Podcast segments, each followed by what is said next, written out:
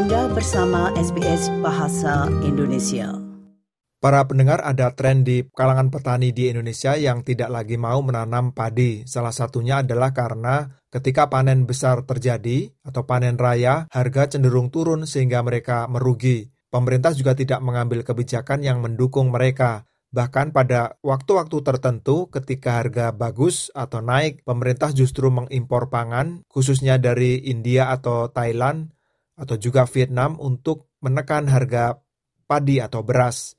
Dengan demikian, petani padi selalu berada dalam kondisi merugi karena harganya ditekan.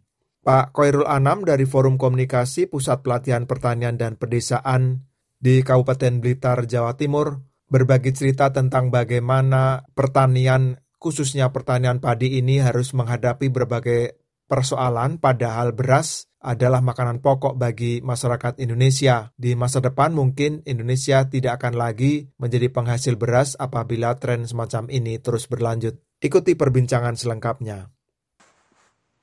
Sejak lama atau ini problem laten begitulah bahwa kita itu negara agraris katanya ya, tapi sering menghadapi problem-problem ketahanan pangan begitu loh. E, mungkin dari iya. sudut pandang Pak Khairul ya mungkin jernih gitu Pak. Kira-kira apa sih sebenarnya persoalannya? Apakah sebegitu rumitnya persoalan ini Pak? Iya, ya sebetulnya kalau secara pribadi menurut saya sederhana saja, tidak begitu rumit-rumit amat permasalahan petani itu ya tergantung kemauan pemerintah lah dalam membela petani.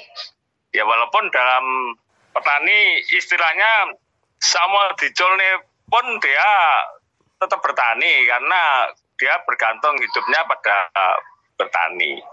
Walaupun merugi ya dia tetap bertani.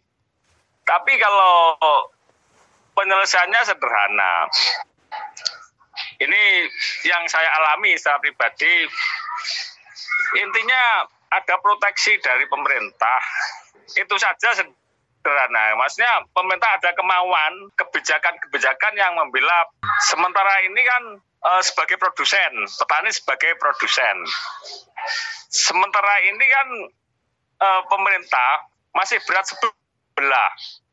Tidak win-win solution. Ketika petani punya harapan harga naik, itu kan uh, bisa menguntungkan petani. Lah, petani uh, pemerintah boro-boro intervensi terhadap harga pasar. Sementara ketika harga murah, pemerintah tidak berani intervensi uh, terhadap pembelaan petani sebagai produsen. Itu saja sebenarnya yang menjadi permasalahan. Kalau masalah budidaya, sebetulnya apa pun itu bisa di anulah, bisa petani bisa bisa sendirilah karena dari pengalaman, dari teori, dari itu sudah insya Allah sudah sudah bisa diatasi. Hanya saja kan yang jadi masalah kan ini pembelaan pemerintah terhadap kebijakan yang tidak berpihak pada petani. Hmm. Yeah, yeah. Kita tidak pernah dengar, tidak pernah dengar ketika harga hasil pertanian murah itu pemerintah berteriak bagaimana ini membela petani, saya tidak pernah mendengar. Tapi ketika harga naik, pemerintah buru-buru intervensi dengan importer, dengan ini, dengan peraturan yang tidak berpihak, uh, ada HET, HET yang menurut saya masih belum uh, memenuhi standar biaya produksi pertanian. Ya mungkin akhir akhir ini aja lah kita, uh, kita punya harapan uh, harga gabah terutama di padi itu bisa punya harapan untuk bertahan hidup, untuk bergairah untuk bertani hmm. akhir-akhir ini. Pak Koril menanam apa sekarang, saya, Pak? Saya ini macam-macam. ini selain kemarin jagung, ini melon. Uh, lagi, lagi saya lagi mulai bergerak di uh, tidak bergerak di padi, mulai beralih ke hortikultura. Kalau ke hortikultura minimal uh, walaupun kadang-kadang harga pas rendah, itu kan kita nggak ada kebijakan pemerintah tentang HET ketika menjual harga tinggi kita disemper pemerintah kalau harga beras. Hmm. Tapi kalau hortikultura kan Pak. Nah, jadi lebih anu Pak, lebih menguntungkan bagi Pak Koril ketika menanam melon misalnya daripada padi begitu. Ya minimal punya harapan lah, punya harapan ada dari biaya produksi. Hmm. Loh Pak, tapi nanti kalau teman-teman petani punya pemikiran yang sama, memang akhirnya nanti kita kekurangan beras. Kemarin gini, kemarin saya di Bogor berkumpul dengan para petani. Eh, permasalahan-permasalahan di seluruh daerah hampir sama. Kita minta kepada pemerintah untuk ini masih sebagai usulan kemarin diserahkan kepada uh, perwakilan dari Bapenas uh, bagaimana ada subsidi subsidi pasca produksi dalam tata niaga beras. Karena kalau uh, musim panen, pemerintah kan tidak pernah intervensi. Intervensinya di HET, bukan harga terendah, harga tertinggi. Hmm. Jadi uh, ketika harga tertinggi harus diturunkan, tapi ketika harga terendah di bawah biaya produksi. Ketika musim panen raya tiba, gabah bisa sampai 3.000, 3.500. Sementara biaya produksi uh, hitung-hitungan teman-teman kemarin 45 sampai 47. Bikin kapok ya, Pak? Eh? Bikin kapok ya akhirnya. Iya, kalau selama selama pemerintah tidak punya kebijakan dulu yang digemung-dengungkan Jokowi tentang nawacita juga nggak diwujudkan. Jadi yang dulu rencana berpihak pada petani ternyata juga tidak ada anunya. Dan nah, ini kalau eh, kalau di lapangan Pak, eh, bagaimanapun uh, yang dicari kan tetap penghidupan ya, keuntungan dari dari pertanian itu ya tidak bisa dibebani bahwa petani harus menanam padi untuk uh, menjamin kebutuhan pangan negara begitu.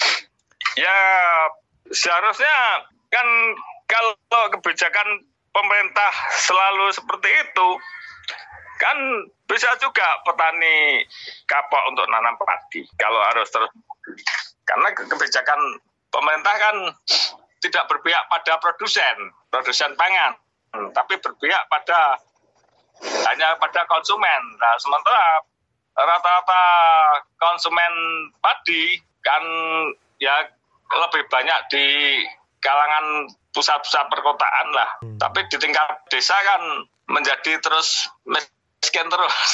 Betul. nah ini keluhan-keluhan petani yang frustasi ini. Pak, tapi pengetahuan Pak Koirul ini di kalangan teman-teman Pak Koirul atau mungkin teman ngobrol atau di daerah situ begitu, gejala seperti itu ditemukan di banyak teman-teman petani ya? Ya, sebetulnya tidak semuanya. Misalnya kalau banyak yang petani mau tidak mau ya harus nanam walaupun rugi.